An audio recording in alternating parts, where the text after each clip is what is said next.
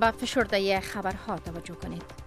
اردوی ایالات متحده می‌گوید که حمله هوایی آن کشور بر شفاخانه دکتران بدون سرحد در شهر کندوز جنایت جنگی محسوب نمی شود چون آن عمله عمدی نبود است.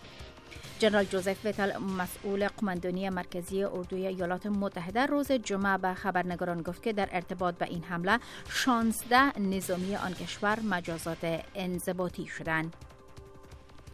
تهران از بانکیمون منشی عمومی ملل متحد خواسته است تا جلب نقص مسئولیت دولتی ایران توسط ایالات متحده را بگیرد. این خواست تهران در واکنش به یک حکم سر محکمه ایالات متحده است که به اساس آن قربانیان حملات دهشت افغانی که در آن ایران مقصر دانسته می شود می تواند از دو میلیارد دلار پول های مسدود شده ایران غرامت دریافت کند. محمد جواد ظریف وزیر خارجه ایران طی ارسال یک نامه به منشی عمومی ملل متحد از وی خواسته است تا امریکا را وادار به پایبند ماندن به تعهدات بین المللیش کند. جان کری وزیر خارجه ایالات متحده از تلاش کشورهای شرق میانه برای آوردن تغییرات سیاسی و اقتصادی در منطقه قدردانی کرد.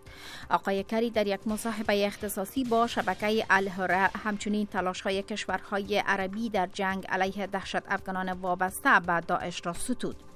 وزیر خارجه امریکا گفت 66 کشور شامل در اعتراف ضد داعش توانسته است که با تشریک مسایی 44 درصد قلمرو تحت اداره داعش را در عراق و حدود 16 الی 17 درصد مناطق زیر تصرف آن گروه را در سوریه آزاد کند و امنیت را در آنجا بازگرداند.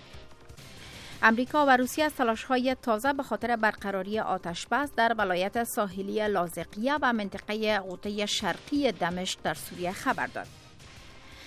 در ادامه گرم شدن رابطه کیوبا با غرب فلیپ هامون وزیر خارجه بریتانیا به هاوانا سفر کرد. آقای هامون پس از دیدار با راول کاسترو رئیس جمهور کیوبا در یک مصاحبه گفت که بریتانیا از پذیرفتن حقایق جهان مدرن توسط رهبر کیوبا تمجید می کند و مخالفین سیاست های دانالد ترامپ کاندید رقابت های مقدماتی ریاست جمهوری ایالات متحده برای دومین روز متواتر در ایالت کالیفرنیا مظاهره کردند.